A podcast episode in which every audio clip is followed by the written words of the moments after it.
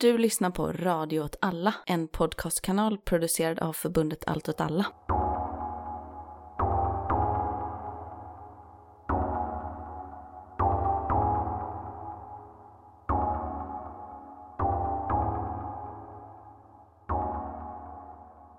Hej och välkomna till Eld rörelse med mig Martin Hansson och med dig. Myran Andersson. Idag har vi med oss en gäst. Det blir inget nyhetssvep, det blir inga krusiduller. Det här blir nog vårt julavsnitt va? Eller släpps det här typ dagen innan nyårsafton? Dagen innan nyårsafton blir det. Vi har med oss eh, Judit. Innan vi började spela in så försökte vi fånga hur vi skulle presentera dig som gäst. Jag har en checklista. Välkänd vänsterprofil vill du inte bli presenterad som. Nej. Inte heller att du har 8000 följare på Twitter. Nej. Och det är faktiskt så att eh, jag tror att många börjar följa mig av misstag för att de tror att jag har bra takes. Och sen så upptäcker de att det bara är dåliga skämt och då avföljer de. Och det är därför jag aldrig får fler följare än runt 7500. Mm. Så det är liksom din... Eh, Jag har nått en platå. det är 6500 mer följare än vad jag har. Så det är ändå bra. Och jag försöker ändå mig på hot takes. Men du är sämre på korta skämt så... Ja, absolut. Var din lista slut där? Ja, nej, jag... Men det huvudanledningen till att vi har blivit inne och pratat var att jag såg... Eh, någon retweetade att du hade varit med i Utrikesbyrån och pratat om Tigraykriget. Eller kriget i Tigray. Ja. Och vi har ju länge velat göra ett avsnitt om det här. Vi har haft flera följare som har frågat om vi kan göra det. Och vi hade det på gång i början av året. För nu kan man väl säga att den här konflikten har pågått i mer än ett år. Och då tänkte jag, det här avsnittet, nu måste vi göra det. Och så frågade jag det. Och så var du så snäll och ville vara med och prata med oss om det här. För det här är en konflikt som, är, trots försök att följa den och förstå den, så är den sorgligt nog en ganska blank fläck för mig. Och för dig antar jag, Myran. Ja, blankare för mig antagligen. Men jag tror att den är ganska blank för många, vilket är varför jag gärna medverkar och snackar om det. Och jag tänker mig också att det är mer tillgängligt att lyssna på en podcast med någon som svarar på sådana frågor eller kommer med sina analyser än att läsa en av de hundratusentals asdeprimerande artiklarna som finns om det här kriget. Ja, om vi har det som ingång att den som lyssnar inte vet ett skit om den här konflikten, trots dens skala och liksom långsiktiga konsekvenser den kommer ha och, och har, så tänker jag att det kanske är rimligt att vi bara börjar där. Vad är kriget i Tigray? Ja, nu undrar jag hur långt bak jag ska gå, men, men det är bara att ni säger till ifall någonting är otydligt. Men det mest centrala i den här konflikten är ju frågan om Etiopien. Vilken typ av stat Etiopien ska vara. Det partiet som nu har blivit terroriststämplat, TPLF, som var en gerillarörelse och ett parti då under den kommunistiska diktaturen. De tillsammans med några andra grupper valde att skriva om Etiopiens konstitution så att istället för liksom en centraliserad regering så hade man flera olika, men ett federalt system helt enkelt. Mindre regioner som på olika sätt delades in ut efter etniska, inte riktigt mer lingvistiska gränser. Och syftet var då att ge de här regionerna ett visst självstyre och ett inflytande över etiopisk politik också över den typ av stat Etiopien skulle kunna vara eller bli i framtiden. Och TPLF kom ju då från Tigray och hade det här som ett centralt mål när de kom till makten. Men det var också tillsammans med befrielserörelser från Amhara eh, och Oromo som är de två största etniska grupperna i Etiopien som man valde att, att ändra konstitutionen då. Men det Abiy Ahmed och folk som då står politiskt på hans sida vill är att ändra konstitutionen och återgå till ett, en centraliserad stat, helt enkelt. Och det är alltså presidenten, det kanske du sa, men bara igen. Precis, ja. Det är premiärminister Abiy Ahmed. Premiärminister. Som, och det kanske jag borde lägga till, att han kom ju till makten ganska nyligen efter det att eh, EPRDF, som TPLF var en del av, kanske den mest eh, styrande delen av den tidigare regeringen då, EPRDF, att de har ju styrt landet sedan diktaturen föll, så sedan 91. Så det är, en, det är en massiv förändring att det nu är ett annat parti vid makten. Precis, TPLF var, efter man avsatte diktaturen 91, så blev TPLF den dominerande politiska kraften i Etiopien, kan man säga Precis så. så, absolut. Och nu har det då skiftat. Och man har, ja, den här premiärministern. När jag läste om det har jag svårt att liksom riktigt hänga med. Vem representerar han eller vilken liksom politisk strömning var det som fick bort TP, TPLF? Okej, men så här. Nu tänker jag faktiskt gå lite längre bakåt i Etiopiens historia. Eh, för jag inser att det, det är orimligt att tänka sig att det här går att förklara utan att man också förklarar hur Etiopien som nation blev till. Jag satt ju och väntade på att det skulle gå så här 2000 år tillbaka. Ja, jag visste jag också. Jag var helt redo på det. Axelns kungadöme. Nej, men vi rör oss tillbaka mot eh, slutet av 1800-talet. Och det var då Etiopien som stat började se ut som den gör nu. För att det styrdes då av eh, Menelik den andre som var kejsare av Etiopien och han invaderade och tog över ett område som idag kallas Oromia, där en folkgrupp som heter Oromo bor. Och det är liksom en fantastiskt stor, bördig plats full av resurser som då inlämnades i imperiet som det var då. Ända sedan dess har Oromos på olika sätt försökt frigöra sig från Etiopien eller åtminstone få ett visst mått av självstyre. Och sen också nu senare att man eh, i regionen då har väldigt lite inflytande över politiken men samtidigt som resurserna i regionen utnyttjas för att berika landet i stort. Och då under TPLFs styre, eller EPRDF snarare, så menade man att man hela tiden blockerade blockerad från makten. Och massiva protester påbörjades runt 2016 med krav på reform, på mer självstyre, mer autonomi och det var ju framför allt av ungdomsrörelser i Oromia. Och de protesterna var en stor del till att Abiy kom till makten. Man kan säga att han på olika sätt tilltalade dem. Han pratar oromia, deras språk. Han är hälften oromo själv och lovade väl på olika sätt att genomföra en rad olika reformer, demokratiska reformer så. Och det gjorde han ju också till en början. Men ganska snart så började ju rörelser som hade burit honom till makten också förstå att hans syn på nationen kanske var en annan än deras. Och då började man protestera igen i Oromo-regionen med brutala konsekvenser för invånarna då. Och det Abiy Ahmed representerar i det här då, det är ju, vad kan man säga, men inte bara en centraliserad stat utan också ett centraliserat, assimilerat Etiopien. Etiopien består ju av 80 plus olika etniciteter som alla på olika sätt då förhåller sig på olika sätt till makten, till den styrande makten. Men centralt eh, har ju varit en grupp som heter Amhara, som också är Etiopiens kanske, ja men det, det är den gruppen folk oftast tänker på när de tänker etiopier. Etiopiska ortodoxa talar amarinja, som är det officiella språket.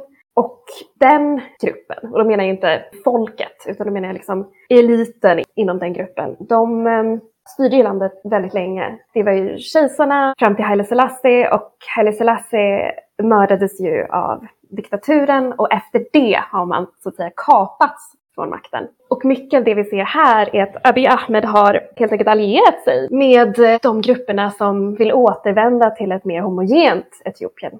Ett Etiopien där man pratar samma språk, där man liksom lägger frågan om etnicitet åt sidan, där man börjar återidentifiera sig med staten snarare än med den egna nationaliteten eller etniciteten. Det är det som är den stora frågan här då. Så på något sätt ett återvändande till något klassiskt modernistiskt stadsbygge liksom? Ja, exakt.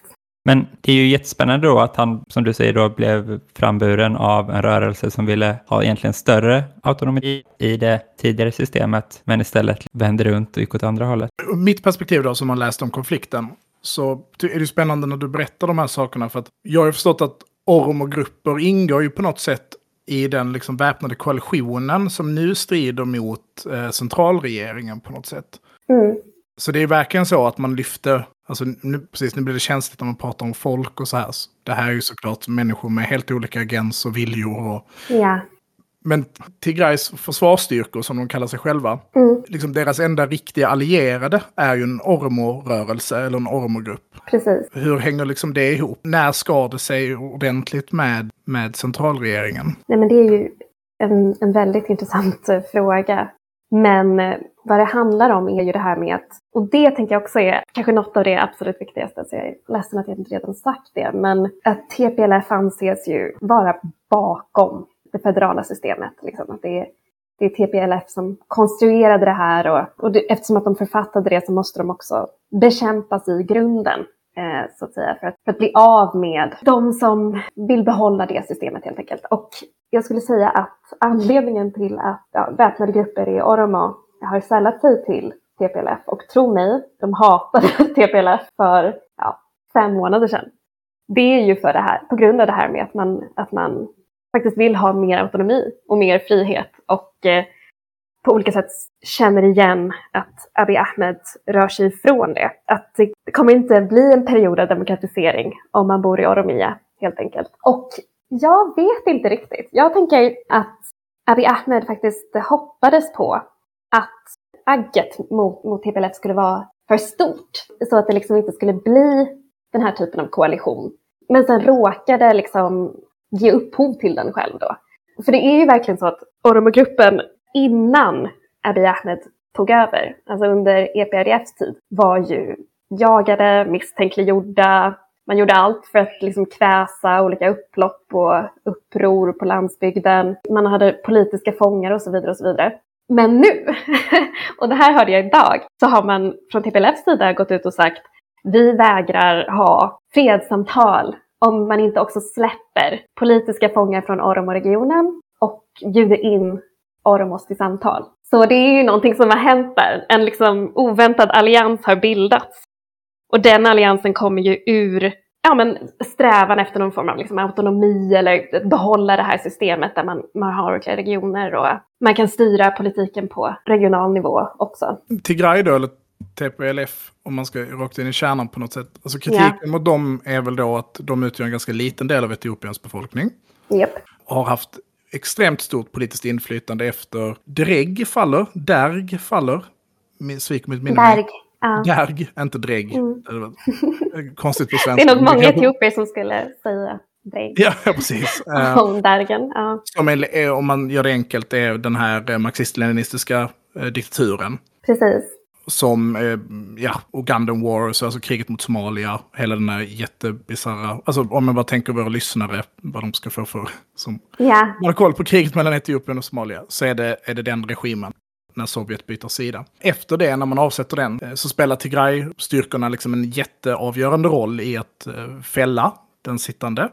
Mm. De blir backade av Eritrea till viss del. Jo, ELF, Eritrean ELF. Liberation Front. Ah. Precis. Och den här lilla gruppen, relativt lilla gruppen, eh, får då starkt politiskt inflytande och har en väldigt eh, stark koppling till eh, Etiopiens armé.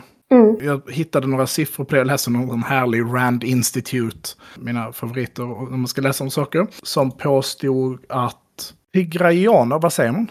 Tig... Tigrianer. Folkgruppen utgör ungefär 6% av befolkningen, men 18% av Etiopiens armé och runt 40% av officerskåren utgörs av tigre, tigrianer. Och att liksom den väldigt specifika rollen av att vara en minoritet, ha väldigt stort politiskt inflytande och samtidigt säkra armén på något sätt drar ju tankarna till Syrien och till viss del till Irak också. Liksom hur man, ja, man spelar ett väldigt skickligt spel har du någon mm. liksom spontan reflektion över liksom den biten av den oproportionerligt stora inflytandet både då militärt och politiskt i landet? Ja, absolut. Ja, men, det här är ju också en kamp mellan två olika typer av, två olika politiska eliter.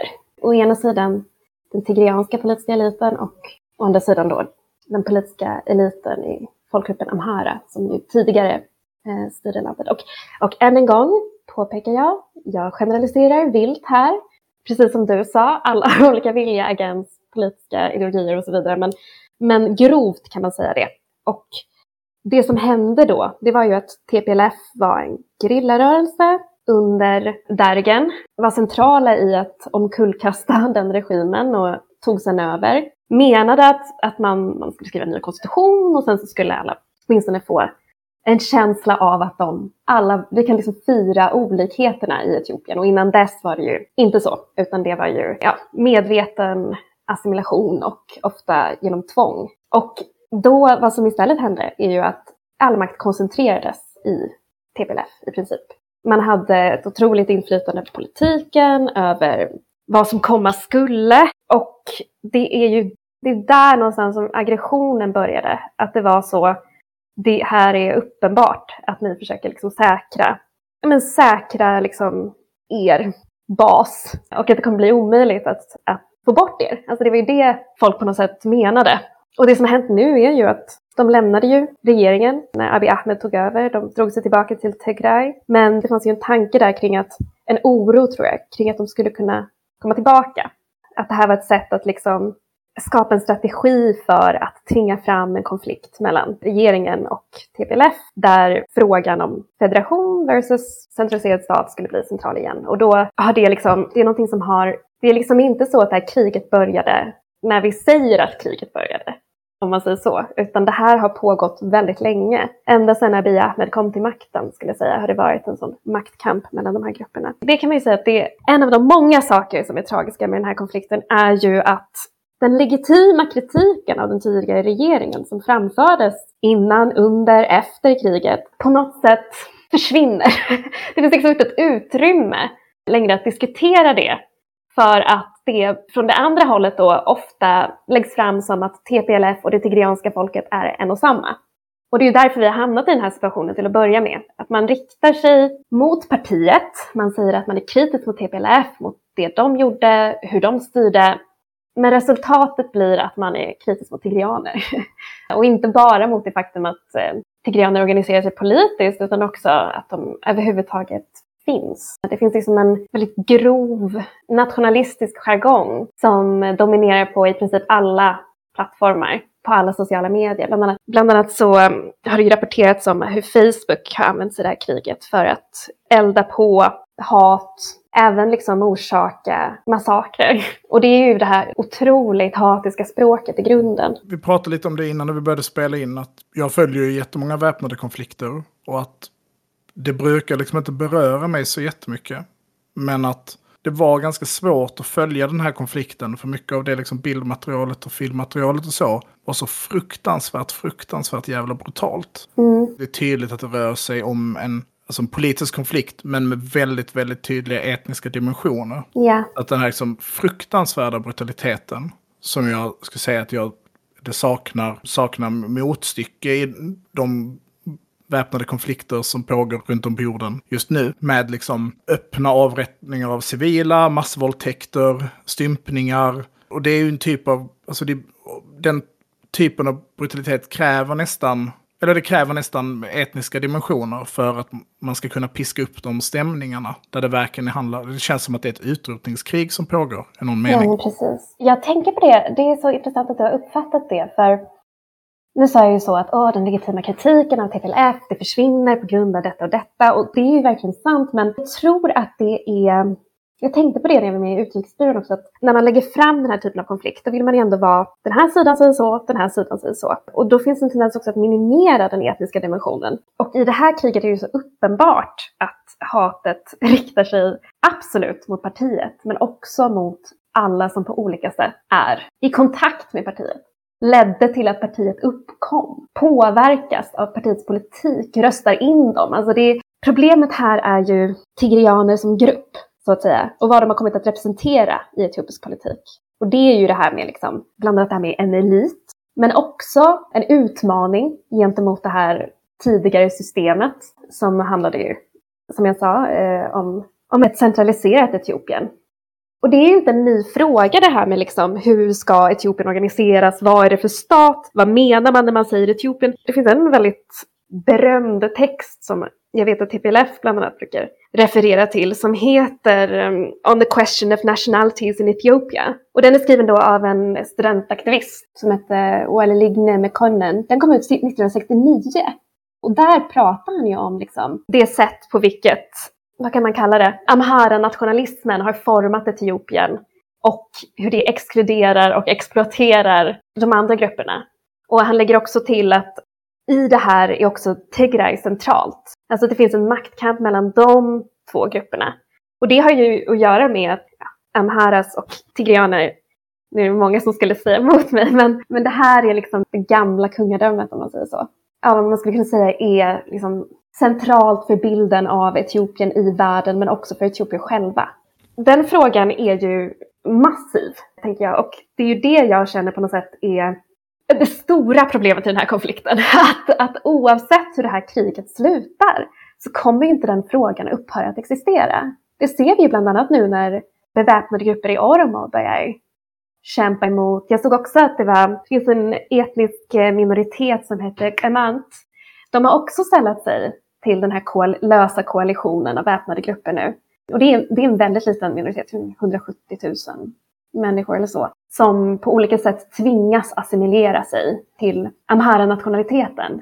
Tvingas på språket, eh, brutaliseras av staten. Nu senaste tiden så, så har man intervjuat överlevare från flera massakrer. Och en av de massakrerna jag pratade om, som hade liksom initierats då genom en Facebook-post, var ju riktade mot Emant.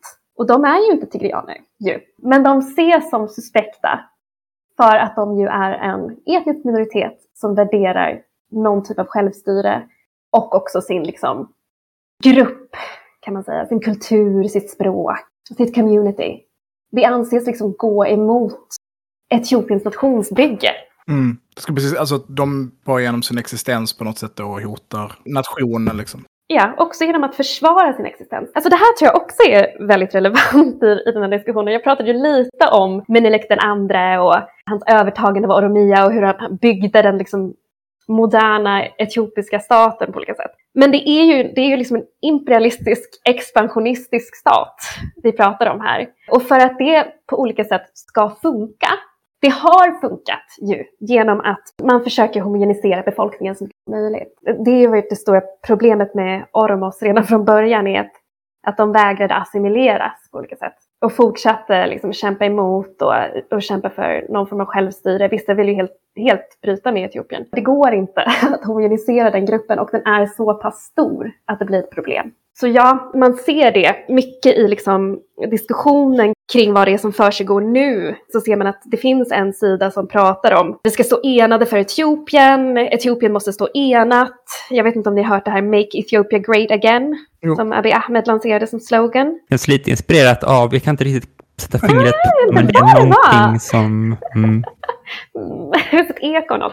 Men allt det där handlar ju om på något sätt att försöka bygga en stark stat, stark, enhetlig, centraliserad stat som koncentrerar makten inte hos den tidigare eliten utan hos den nya eliten som ju också är en gammal elit. Mm. Det måste man ju också prata om, att många av de människorna som står på Abiy Ahmeds sida i det här kriget är ju människor som på olika sätt nyttjade systemet innan Bergen. Människor som, som tjänade på den typen av eh, nationsbygge som Etiopien stod för då. Det var ju på många sätt ett, ett feodalt system. Det var ju en väldigt stabil klassstruktur. Och mycket av det här handlar om att återgå till det som ett sätt att, att återetablera sig som den politiska makten i Etiopien. Jag bara tänker om vi ska komma liksom till, till eh, de två heta potatisarna. Alltså ja. antingen då det rent eh, liksom, militära utförandet av konflikten och den andra är ju den här geopolitiska dimensionen av det. Mm om man bara liksom stannar och så säger man så. I grund och botten så handlar ju den här konflikten då, som du beskriver mm.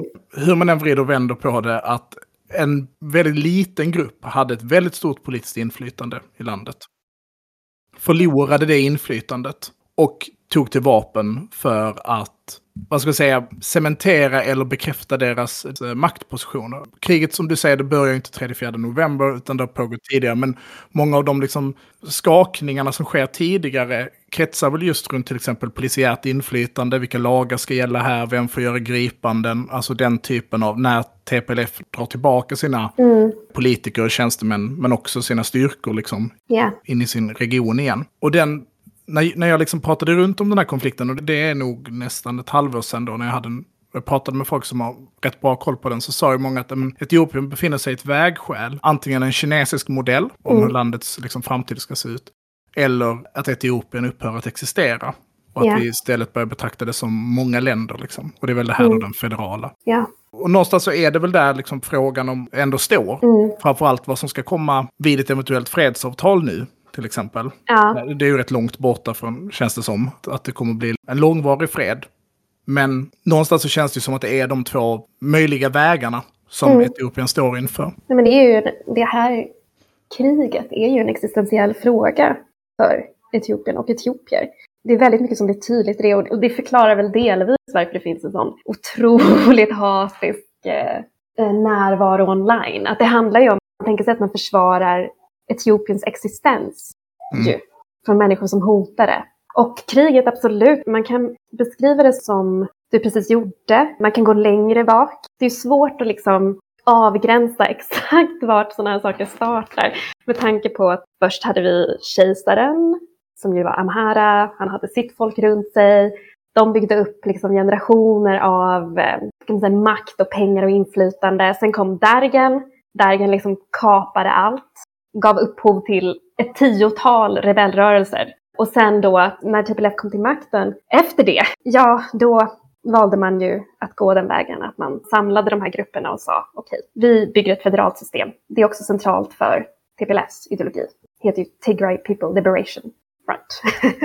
så det var ju liksom centralt att, att Tigray skulle bli någorlunda självständigt där. Mm. Och oftast då ses ju det där som liksom det definitiva brottet med vad som kom innan. För till och med under Dergen så höll man på med tvångsassimilering. Så till exempel att man eh, bara pratade amaringa och eh, Mengistu Haile Mariams, eh, hans liksom, egen slogan var ju Ethiopia first, staten överallt.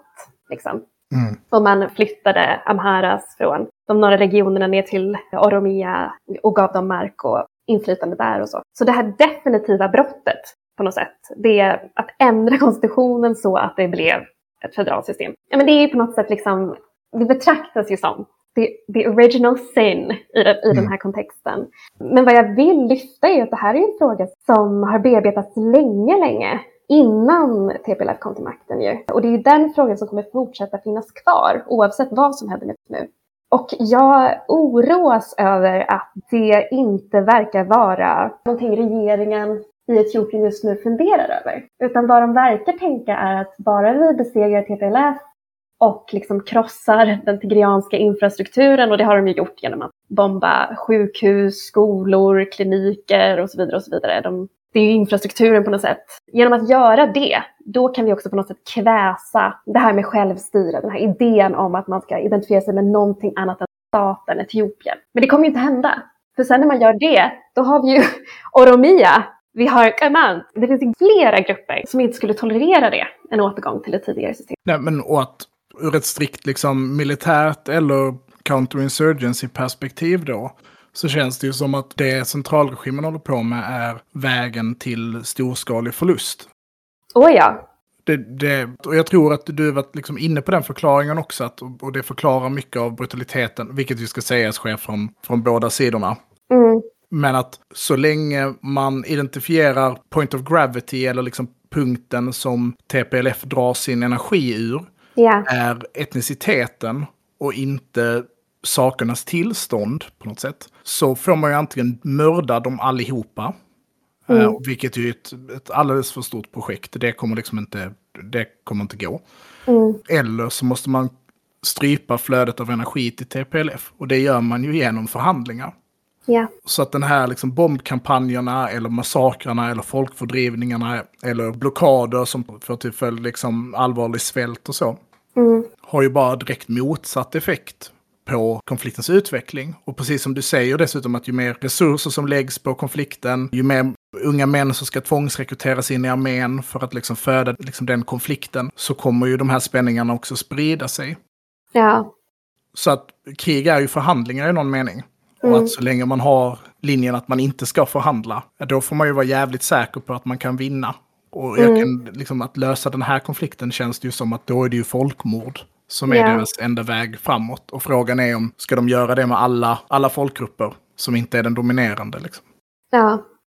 Eller tänker de sig att Tigray kan bli en varning för andra? Det tänker jag också på. Det här har varit liksom, alltså för mig så har det här varit en katastrof från dag ett. För att regeringen sa ju att det här är då en law enforcement operation. Vi går in för att helt enkelt liksom arrestera dem vi anser vara skyldiga i liksom den här, det här försöket till kupp mot eh, den sittande regeringen. Men det har ju inte blivit så. Abiy Ahmed, vadå, två, tre veckor in sa han så här, ah, nej men vi, om en vecka så kan vi dra oss tillbaka. Mm. Men saken är den att jag visste, jag och många, jag skulle nästan säga i princip alla tigreaner visste att det inte skulle bli så. personerna som är involverade i TPLF på olika sätt, de stred ju i det förra inbördeskriget.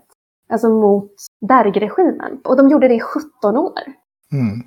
Från bergen. Och då försökte man med samma taktiker. Man bombade bröllop, man eh, slaktade civila och sen så, så svälten 84 när man liksom helt enkelt ströp hela regionen och försökte liksom svälta ut rebellerna. Ja, men det, det blev ju ingenting. Och då, då tänkte jag liksom att, att det här är inte personer som släpper taget eller accepterar en förlust, utan det är människor som fortsätter slåss. Och det enda sättet ut ur det är dialog. Men jag vet inte om Abiy Ahmed överhuvudtaget kan öppna för dialog. Han har liksom målat in sig i ett hörn genom sin retorik, genom sin propaganda. Om man tittar på e- etiopisk statlig tv, om man, om man läser vad eh, som kommer ur de stora liksom, kanalerna så har man ju i princip lagt fram det som att, ja först och främst att TPLF är skyldiga till att det ser ut som det gör. Att TPLF är liksom, eh, ja, eh, de demoniseras ju på olika sätt. Men också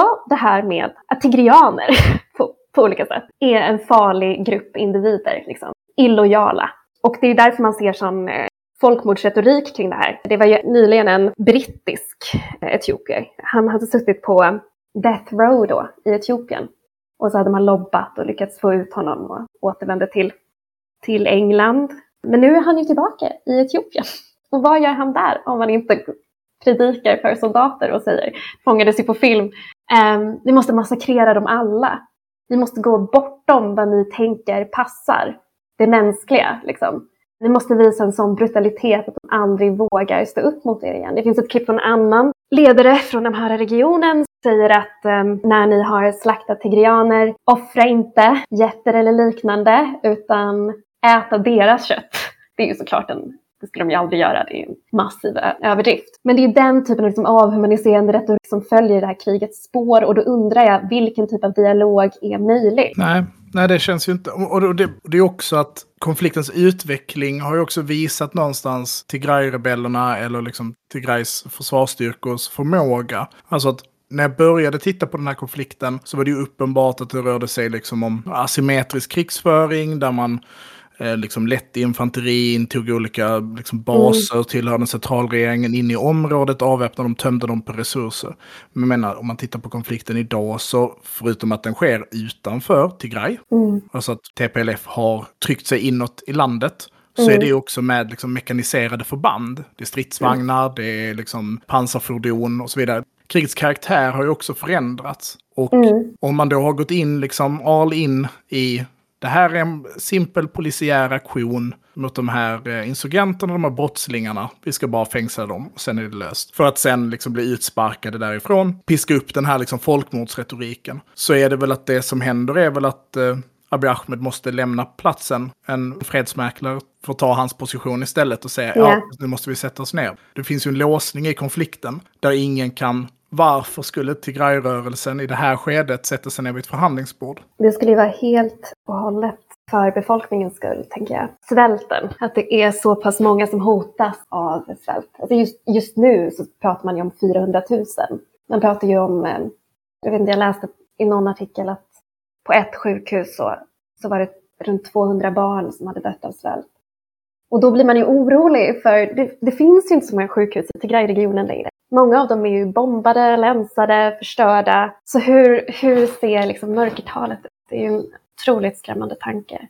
Utan att ha några direkta kunskaper om TPLF eller möjligheten att följa liksom deras, eh, deras ledarskikts eh, eh, mål och, och så, så kan jag säga att min erfarenhet från den här typen av konflikter brukar ju ofta säga att ledarskiktet är beredda på att offra väldigt, väldigt många civila och utsätta civila för fruktansvärda saker. För att man ser att man, om man bara pushar lite hårdare lite längre så kan man uppnå eh, bättre förhandlingsläge eller ja, i mm. förlängningen kanske då ta, ta rubbet på något sätt om man ska göra liksom någon spelteori av det. Det intressanta i den här konflikten är ju också ju hårdare Abiy Ahmed pressar tigrianerna desto mer villiga blir de att bli en del av då TDF, till exempel, Tigray Defense Force. Desto mer villiga är de att dra ut på det här kriget. Desto mer villiga är de att slå tillbaka på något sätt.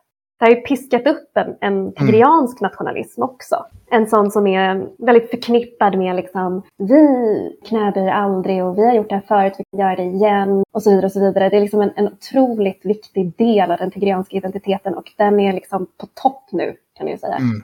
Och då blir det ju än en gång samma låsning, samma problem med låsning. Men Abiy Ahmed, jag tror också, och det här måste vi ju absolut komma in på, att en av anledningarna till att tigrianerna är så fruktansvärt upprörda. Det är inte bara den dimensionen av konflikten som vi har pratat om hittills, utan det är också det här med att Eritrea samarbetar med Abiy Ahmeds regering Mm. i kriget. Och det uppfattas som ett massivt svek. Och där kommer vi in lite på geopolitiken Mm. vi innan. Kommer ju in på Isaias Afewerki, alltså Eritreas president. Och det faktum att, att Eritrea och Etiopien slöt fred efter lång, lång tid. Och att Abiy Ahmed och Isaias Afewerki har vad alla verkar säga är en ganska nära relation. Och det ledde ju bland annat till, till det här då. En invasion från Eritreas håll. Ja, men precis. För även Eritrea har ju gått in Mm. i Tigray. Inte sådär jättedjupt, men de har väl gått in i någon förhoppning om att säkra bitar av sin gräns. Även Sudan har väl varit. Ja, även Sudan har varit inne och, och nosat. Ja, Absolut. Och Eritrea, alltså där handlar det ju, det handlar ju absolut delvis om att säkra gränsen. Men det handlar också om Isaias Afewerkis relation till TPLF. Att det här är en aktion han har planerat väldigt länge. Liksom. Och det har inte bara att göra med just det geopolitiska utan på något plan också är det ju någonting personligt. Och sen handlar det också om, från Eritreas håll är det ju otroligt positivt att ha en, en bra nära relation till ett Etiopien som på många sätt utför, och det kan man ju säga att det kan man, det är säkert folk som skulle säga emot mig, men, men utför en politik som Isaias Afewerki skulle applådera för. Liksom. Man vill på något sätt, jag tänker mig att, och Abiy Ahmed har ju pratat om det själv, att Eritrea, Djibouti och Etiopien, ja men tillsammans kan man kanske forma, så kan man ju styra och eh, omskapa politiken som förs i Afrikas horn. mm. men det hade verkligen blivit en lokal supermakt liksom. Eller regional. Absolut. Eh, och, och det tror jag är målet. Och jag tror framför allt Isaias Afewerki eftersom att Eritrea har uteslutits från geopolitiskt inflytande så länge. Annat än då relativt begränsat sådant. Men med sanktionerna, med utfrysningen och så vidare och så vidare. Man tänker att nu kommer det gå. Men vi pratar om det här som liksom agendor hos enskilda ledare och så. Hur mycket är det liksom ett utslag av att eh, premiärministern är en så speciell karaktär? Liksom allt det här från att han är predikant och att han har vunnit Nobels fredspris liksom och sådana saker. Alltså, eller kan man tänka sig att det skulle kommit till en sån här utveckling med en annan ledare och så i alla fall? Hur mycket är liksom en unik händelseutveckling liksom som är personberoende? Alltså som, som Mm. marxist vill man ju tro att det inte är så, men samtidigt så kan man väl ändå tänka sig att det finns liksom unika karaktärer som påverkar liksom världshistoriens gång också. Mm. Jo men som marxist är man ju så, boo, great man of history. Bara, eller? Hmm. Nej, men i det här fallet så har ju mycket har ju att göra med, alltså nu, nu pratar jag inte med Abiy Ahmed, men till exempel Isaias Afewerki. Att han ju krigade tillsammans med TPLF, alltså han var ju i ELF under inbördeskriget. Så att han känner ju de här personerna. Han känner ju den här liksom politiska eliten och, och har en personlig relation till dem. Och därför menar jag att det här också för honom är delvis personligt. Att det är därför han har ett, liksom, ett han bär på ett väldigt starkt hat gentemot det här partiet. Men Abiy Ahmed, jag tror faktiskt att den här frågan skulle ha dykt upp oavsett. Eller liksom den här konflikten. Även om den kanske inte skulle sett ut på samma sätt. Vi har ju pratat lite om brutaliteten och ja, folkmordsretoriken och så vidare. och så vidare. Det kanske inte skulle ha drivits till just det. Men eftersom att det finns sån, sån stor grupp politiska aktörer som vill återetablera sin dominans i etiopisk politik så skulle det här ha hänt oavsett tror jag. Och Abiy Ahmed är ju en, det är en person som är, det är ganska svårt att sätta fingret på vad han är ute efter, rent ideologiskt kan jag tycka. Han svänger ju mycket. Men till exempel då när han kom till makten, då välkomnades han ju av väst som en förnyare, han skulle demokratisera, han skulle öppna upp marknaden. USA bland annat har ju pratat om, jag läste någon artikel av en amerikansk ambassadör i Afrikas horn, där han pratade om att liksom ett, vi tänkte så, äntligen så tar han avstånd från den här liksom marxistiska retoriken eller ingången, grön som PPLF hade och pratar om att skapa jobb. Så, det- så det var ju väldigt välkommet. Men sen började det här och nu har han ju liksom börjat presentera sig själv som någon form av liksom, stor afrikansk ledare som vågar stå upp mot västvärlden. Och det är ju inte riktigt rimligt om man tänker på hur det har sett ut innan. Så det är inte förankrat, ideologiskt förankrat, tänker jag. Men han framstår lite som, en, som bara en maktspelare då kanske, alltså att det är större möjligheter att ha stor egen kontroll ifall man har en centraliserad stat än ifall man är en del i en federal Ja. stat på något sätt. Liksom att det, Och det blir också lättare att, att genomföra, hans, genomföra den ekonomiska politiken, genomföra, tänker jag, med en centraliserad stat. Det var ju verkligen att han, att han sa så, kapitalismen är min modell, vi måste liberalisera samhället, vi måste börja sälja ut de här äh, statligt ägda företagen, bland annat då ETO Telecom som ju är telefonnätverket och så vidare. Och, så vidare. och jag tror att han tänkte sig att det skulle bli lättare om, om man också kunde koncentrera makten på ett annat sätt. det. det här du är inne på nu är lite, påminner mig också om någonting jag såg att du skrev om liksom att det finns någon sorts eh, anti-imperialistisk analys på något sätt, fast oerhört platt av... Hands off Africa. Ja, precis. precis. Eh, som, som ju bara låter som så internet-tanky retorik liksom, men när man Ja. ändå är då gillar en stor stark ledare och enade länder under en flagg på något sätt, att då, då ser man det här konflikten som Mm. CIA-påverkan för att splittra ett starkt land eller någonting. Liksom att, Ja, Ja. absolut jag väl inte upprätthålla oss så mycket som vid det, liksom, men, men bara att det är ja, en konstig platt analys man kan göra, men man kan ändå se lite hur, hur folk kan liksom eh, spela på den. Mm, absolut. Och också hur tillgängligt det språket är på något sätt. Att det kommunicerar någonting direkt som inte på något sätt behöver backas upp av handling, ideologi. Ingenting annat än retorik. Liksom. Abiy Ahmed eh, skulle jag säga har ungefär lika mycket intresse av antiimperialism som min katt. Eh, det, inte, det var inte hans ingång i det här överhuvudtaget, men däremot så kan han liksom utnyttja det för att samla andra afrikanska ledare runt sig, samla diasporan runt sig. Också att mycket av den här Hands of Africa-kampanjen ju då kommer från eh, USA, den amerikanska diasporan, som i majoritet är amharas. Och därför blir den också väldigt stor väldigt snabbt. Klart man kunde ana att det var amerikaner bakom det. Det är alltid det, de jävla amerikanerna. Men, men det, som, det är väl som har hänt, om man ska göra lite kronologi då angående vem som har varit eh, Etiopiens eh, stormaktsspelare, deras kompisar liksom, så är det väl att Dag har väldigt nära relation till Sovjetunionen, då efter Ja. kriget mot Somalia. Och eh, ser liksom till, till och med Kuba är ju där och Mm. hjälper till. Antiimparnas eh, favoritgäng när de mattbombar somaliska flygplatser. Sen så hamnar väl liksom Etiopien lite i någon typ av, efter Dag så hamnar väl Etiopien i någon typ av eh, vakuum för att sen få en ganska nära relation till eh, USA. USA hjälper till att bygga upp Etiopiens armé. Eh, Etiopien blev väldigt viktig i olika FN-insatser och så. Men efter att Abiy Ahmed kommer till makten så har väl relationerna varit, eh, men precis som du beskriver, att först ganska goda, god dialog med väst. Men om man tittar då på vapenimport till exempel, saker som jag har koll på, Mm. så är det väl att typ Förenade Arabemiraten Precis. börjar exportera vapen till Etiopien. Och då är det ju egentligen kinesiskt krigsmateriel som de lokalt producerar. För att vi idag har en situation där det är Iran och Kina som har börjat eh, framförallt då skicka drönare, eller skicka, sälja drönare till Etiopien. Mm. Och hur man ser hur det börjar byggas drönarflygplatser. Jag vet inte vad den korrekta termen för det är. Men eh, eh, runt eh, Addis Abba. Ab- Addis, Addis Abeba. Addis Ababa. Mm. Mm. Ja, det är en, en grej i den här podden att jag inte kan uttala olika städers namn.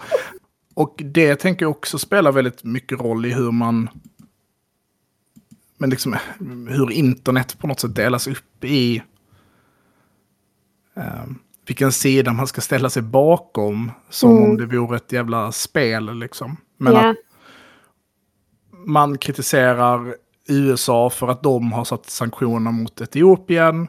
Men att de inte har eh, sanktionerat eller specifikt uttalat kritik mot eh, TDF då. Mm. TDF är ju inte heller en statlig aktör. Så det är väldigt svårt att behandla dem som det. Jag vet inte om det dessutom hade spelat dem i händerna kanske. Men man kan Ja, ju verkligen- det tror jag verkligen. Jo, jo, men precis. Om, man, om man börjar behandla någon som att de är en, en legitim part, då är de ju också en Då legitim blir de part. ju en legitim part. Ja, det är liksom så det funkar. Och det man har gjort hittills är ju att se till att de är illegitima. Bland annat då genom att, ja, men det är också väldigt roligt apropå det här med liksom USA-kritiken, att vad man har gjort är att man, man har ju rakt av kapat terroristdiskursen från USA nu, alltså i relation till TPLF. Jag vet inte om ni har märkt av det, men det är väldigt tydligt online att man kan inte förhandla med terrorister, Nej. Mm. ni är med oss eller mot oss. Också det här med att, att om ni inte avsäger er all koppling till TPLF så eh, kommer vi utgå ifrån att ni är fiender. Och det ligger ju bakom de här massarresteringarna, bland annat i Addis Abeba, där liksom tusentals tigerianer har samlats in och häktats utan anledning. Liksom. Nej, men efter 2001 så blev ju den härskande liksom, eh, diskurs i hela världen. Alltså, Mm. Ryssland har ju använt exakt samma argumentation gällande Tjetjenien och Dagestan och till viss del Ukraina. Kina med uigurerna, så jag menar det är ju samma. Mm. Jaha, får inte vi behandla våra terrorister hur vi vill? Ja, Det var väl det vi kom överens om att man fick. Ja. Liksom. Ja. var det inte det ni sa att man Ja. skulle göra? Ja, precis. Men hur tänker du på liksom den här Kina, Iran, Etiopien söker nya allierade på något sätt? Hur tänker du på det samtalet? Alltså under den förra regeringen då, under Meles Zenawi framförallt, när han blev ju premiärminister i Etiopien i vadå, 20 någonting år innan han dog. Då började man ju också närma sig Kina väldigt mycket. Bland annat då infrastruktur framför allt. Att bygga vägar, byggnader, bygga upp staden, allt möjligt. Och en av anledningarna var ju det här med att man tänkte sig att de kommer inte lägga sig i den politik vi för. Och vår historia med västerländska stater är så pass giftig. Och när Abiy Ahmed då började prata om demokratisering och liberalism och öppna upp marknaden för västerländska intressen. Det var ju liksom ett försök från hans sida då, tror jag, att, att vara mindre beroende av, av Kina. Men nu har han ju svängt runt igen och har en väldigt nära relation till kinesiska staten, framför allt, men också Turkiet. Han var ju och hälsade på Erdogan ganska nyligen. Det är ju också därifrån man får många drönare. Så ja, vem vet var man kommer landa? Svarade det på, på din fråga eller? Nej, men det blir spännande. För det är ju så tydligt att det finns massa länder som befinner sig i en ganska liknande situation. Förutom att de då inte, deras eh, rebeller inte har mekaniserade förband och är typ 20 mil från deras huvudstad. Så är, Mm. men att Turkiet och Kina, och ja, de har ju även gjort vapenaffärer med Israel och så, Etiopien, eh, är, ju länder som, precis som du säger, de, det är inte så jävla viktigt vad ni håller på med i ert land. Er inre situation är er egen angelägenhet på något sätt. Men vad tror du kommer hända nu? Vilka vägar vidare ser du?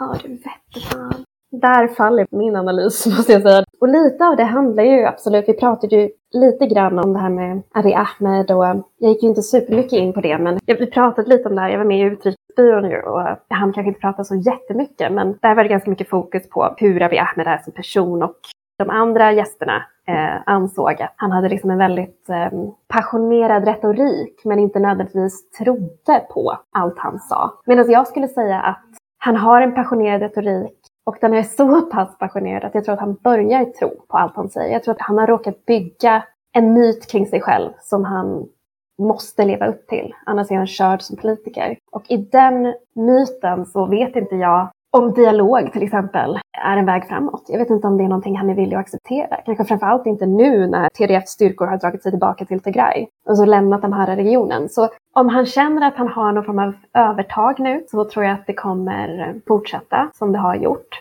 Tills han kan tänka sig att nu är TPLF helt förintade och det stöd de skulle kunna ha, som då utgår från folket, är också det förintat. Liksom. Om han däremot känner, och det, det är ju också möjligt, det beror ju på hur trygg han är i sitt samarbete med Turkiet, med Kina, med Eritrea, alltså hur mycket han känner liksom, ja men jag har mina allierade ändå. Och om då TDF rycker fram igen, om kriget svänger igen, då kan jag tänka mig att han kanske skulle sitta ner till samtal. Men det gjorde han ju inte ens när TDF var väldigt nära Addis Abeba. Inte ens då så var han ju så, heh, vi kanske borde ta oss ett litet snack innan det här går för långt. Så vem vet? Jag tänker att det enda sättet som Etiopien kan återhämta sig från det här på, det är ju definitivt om, om man lyckas medla en fred mellan de stridande parterna så fort som möjligt och sen efter det faktiskt utför de undersökningar av liksom, övergrepp mot, mot civilbefolkning och så vidare som man har sagt att man ska göra och utefter det också kan prata om upprättelse. För det här, som det ser ut nu, finns ju ingen väg framåt. Liksom.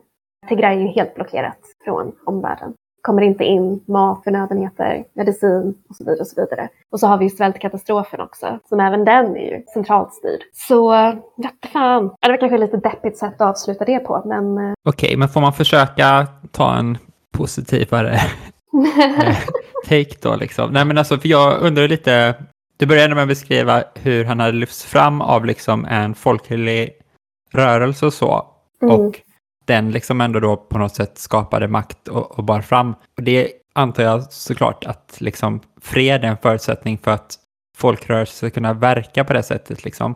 Men i ett läge ifall man skulle komma till en fred, ser du liksom ändå någon sorts positiv kraft i att liksom rörelser kan driva fram förändringar av politiken så. Och han kom väl till makten genom liksom allmänna val. Jag antar att det finns någon grund i att det skulle kunna återgå till, till det igen. Mm, ja, men det finns ju absolut en grund för det. Och jag tänker mig inte att det här är liksom ett evighetstillstånd heller, utan det är kanske lite mörkt just nu. Men ja, absolut att det finns grund för folkrörelser. Och det jag ändå tänker på något sätt att det här kriget har möjliggjort så är det ju relativt liksom oväntade politiska sig.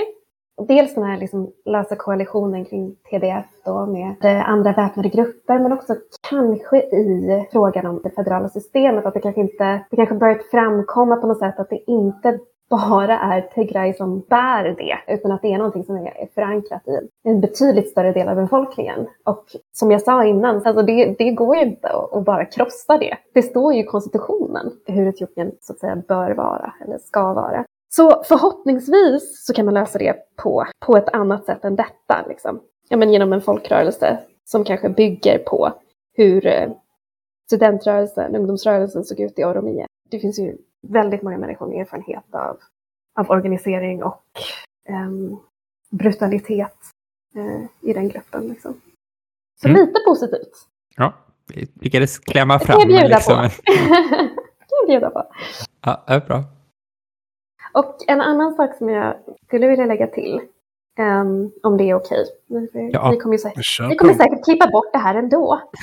Men eh, jag tänker liksom att en central fråga i det här, varför ser kriget ut som det gör? Varför är det så brutalt? Varför är intensiteten? Och jag hoppas att jag har kunnat förklara bakgrunden till det lite grann i alla fall. Men det är otroligt viktigt att känna igen det finns en etnisk vinkel på det här. Det är inte bara två väpnade grupper, utan det handlar om att, att rikta sig in på och liksom brutalisera en, en population. Det finns väldigt sköra grupper i Tigrayområdet också, som har lidit oerhört under de här striderna och som kanske inte överlever det här kriget. Och där på något sätt så vill man ju sätta ett fokus att prata om samhällens överlevnad. Att Tigray inte är homogent, det finns två minoritetsgrupper liksom i gränstrakterna till Eritrea och de är väldigt hotade av, det här kriget. Och en sista grej jag vill lägga till. Jag kommer säkert, det är liksom otroligt polariserat i den här diskussionen. Två väldigt distinkta läger som för fram sina åsikter med varierande typer av övertygelse eller jag vet inte, aggressivitet. Och, och jag eh, kommer säkert, jag tänker att absolut 100% som när jag var med i Utrikesbyrån, att folk kommer vara så att du är alldeles för snäll mot eh, TDF, TPLF, tigreanerna. Liksom, det är din fokus. Och absolut är det min fokus eftersom att jag är från den regionen. Men eh, jag är ju liksom kommunist, vilket ju innebär att jag hatar allt. Så det vill jag verkligen betona. Ja, det är bra. Det blir jag helt med dig där. Nej, men vi är ju inte heller en journalistisk podd så liksom. Så här får man ju säga vad man tycker och tänker också utan att tänka jo, på absolut. att vara någon Sveriges Radio-objektivitet. Och hade vi inte haft eh, antimparna som lyssnade och blev arga på vår podd så hade vi också tappat kanske hälften av våra lyssnare. Så att Ja. om vi bara kan piska upp lite mer ilska från dem nu så är det Jo, ju gynnsamt för våra lyssnarantal. Men det är ju också det där, jag vet att vi ska runda av, men lite snabbt bara. Det här med antiimperialism i relation till den här konflikten. Att det blir ju också lite märkligt när, ja, men som jag sa innan, att Etiopien är ju en, ett imperie. Alltså det är ju liksom i grunden ett kejsardöme som expanderat lyft in olika områden, grupper och kontrollerat deras tillgångar. Det är så den statsbildningen ser ut. Och som aldrig koloniserades av väst på samma sätt heller? Liksom. Inte på samma sätt. Men det är också lite av en myt ju, det här med att Etiopien aldrig koloniserades. Eritrea koloniserades ju. Och Eritrea var ju en del av Etiopien då. Det var ju inte förrän på 90-talet som Eritrea blev sitt eget land så att säga. Men det, vad jag menar med allt det där, det är liksom att man bygger upp en myt kring Etiopien som liksom, en, liksom det här svarta kejsardömet, som Haile Selassie sitter på tronen, böjer sig aldrig för eh, kolonisatörerna. Man använder sig av det språket samtidigt som taktikerna man använder internt är djupt inspirerade av kolonisatörers metoder. Och då menar jag inte bara innan den här regeringen utan också under det här. Folk har intervjuats om att tigreaner placeras i koncentrationsläger och så vidare. Och som sagt, gruppen jag pratade om innan, Kamant, att, att de brutaliseras och slaktas för att de inte talar rätt språk och alla de sakerna. Jag skulle säga att frågan om antiimperialism i relation till Etiopien handlar om så många olika saker. Och bland annat vilka stater som backar de olika parterna. Bland annat, men inte bara. Och tro mig, jag är ändå benägen att tänka att det mesta är en CIA-operation. Det är ändå min nummer ett tanke. Go-to liksom. Mm, ja, men det är Nej, men det är väl klart att det finns en, liksom, en väldigt känslig dimension av de här frigörelse, om man får uttrycka dem på det sättet, liksom, eller separatistiska tendenserna i länder som inte uppfattas tillhöra västvärlden. Alltså för där mm. brukar folk vara ganska lugna med att ge stöd. ERA eller ETA eller så. Mm. Men att samma processer, när de sker i Syrien till exempel, så blir det liksom en CIA-operation. Eller om mm. det sker i Etiopien. Och det är väl bara det att förstår man världen så, så jävla enkel och konstigt svartvit att man inte fattat Ja men det kan väl absolut, alltså nu vet jag inte ett skit om det här, men det kan absolut vara så att USA föredrar att eh, Tigray-upproret sker för att eh, försvaga Etiopien som närmar sig Kina. Vi ponerar mm. det. Det är mycket möjligt. Ur ett liksom stormaktspolitik, geopolitiskt perspektiv är det väl rimligt.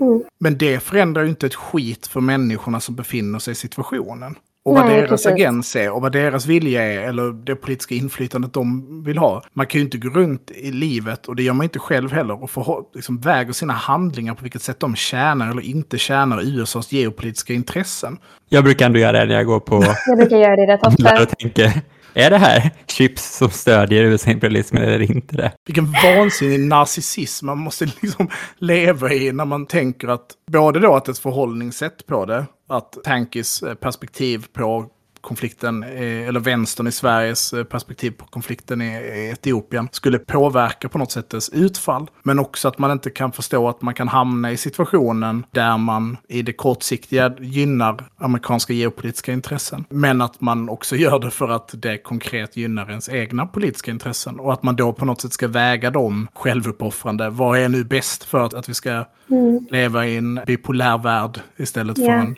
en monopolär liksom. Men också det här med, och det oroar mig väldigt mycket, hur centralt USA blir i en konflikt som liksom grundas i en tusenårig historia. Liksom det här, det här, de konflikterna som finns inom Etiopien, de politiska strukturerna, exploateringen som sker, klassstrukturen, allt det där faller samman för att man är upptagen med att titta på USA. Och det, det oroar mig. Jag skrev till en antimeralistisk kamrat då, som hade liksom gett sig in i det här med kanske inte jättemycket insikt. Och så skrev jag så att det är relevant att titta på vilka grupper man stöttar när man pratar om till exempel att lämna Abiy Ahmed i fred. Och det är i det, i det etiopiska sammanhanget är det ju konservativa, reaktionära krafter vars ehm, styre skulle kunna påverka landet otroligt negativt. Framför allt då med tanke på den här liksom verkligen starka idén om staten Etiopien som måste offra allt för att visa sig vara great again.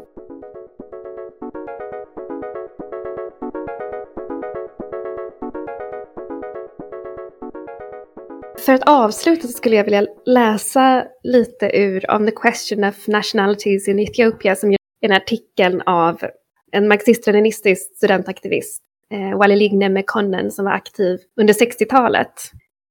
What are the Ethiopian people composed of? I stress on the word peoples, because sociologically speaking, at this stage, Ethiopia is not really one nation. It is made up of a dozen nationalities with their own languages, ways of dressing, history, social organization, and territorial entity. This is the true picture of Ethiopia. There is, of course, the fake Ethiopian nationalism advanced by the ruling class and unwillingly accepted and even propagated by innocent fellow travelers. Och med de orden så avslutar vi. Tack så jättemycket Judith för att du har deltagit. Tack för att jag fick delta. Superkul. Och är kul, det blir så himla makabert. Blir alltid så här när vi gör podd. Det är ju jättemörkt och extremt deprimerande. Men eh, jättefint att du ville ge oss inblick i den här eh, konflikten. Ja, vi brukar, våra gäster brukar alltid få säga så här typ eh, om de vill göra reklam för någonting. Vill du göra reklam för något? Um, nej, inte jag kan komma på. Um, jag skulle väl säga att om man, om man um, vill stötta Tigray ekonomiskt, det är ju i princip omöjligt på många sätt, men det finns en grupp som heter Tigray Relief på Instagram som är framför allt då unga tigrianer i den svenska diasporan som eh, samlar ihop pengar, framför allt till flyktinglägren i Sudan. Och där har man ändå lyckats. Man har lyckats liksom få igenom massa tält, förnödenheter, medicin och så vidare. och så vidare med representanter ur gruppen som åkte dit och eh, spelade in allt och, och, så vidare. Så de skulle jag säga definitivt jättebra. Vad gäller mig själv, ingen reklam. Jag har inget att sälja in. Man kan eh, följa dig på Twitter. Då heter Ja. du eh, at otherjudith. Det kan man göra. Och man kan, eh, man kan ju såklart fråga mig om, om det här. Liksom inte kanske jätteargt, men det får man jättegärna Man kan skriva så arga PMs om att du är en CIA-agent. Åh, att jag hade varit så välbetald. Var är dina Rand-pengar? Det är alltid så här när man blir anklagad. Man bara, men varför är checken då? Vad ska jag få mina Soros-pengar någon gång? Varför, vad är? Nej, Så är det. aldrig pengarna. Det är ett värdelöst deal. Mm. Eh, man kan följa mig på Twitter, där heter jag Trojkan1337. Man kan följa Myran på Twitter, där heter han slukhål. Man kan också följa oss på eh, Facebook, där heter vi Eld och rörelse. Och sen så kan man följa vår eh, mycket mer välproducerade eh, Instagram, som vi då inte har någonting med att göra, så vi kan inte ta åt oss äran för det. Och den heter, säg det Eld, punkt och punkt rorelse. Mm, du lyckas alltid med det. Ja, gott nytt år på er får man väl också säga då eftersom att det här spelas in innan vi går på julledighet och släpps eh, dagen innan nyårsafton. Mm. Gott nytt år allesammans. Gott nytt. Tack så mycket.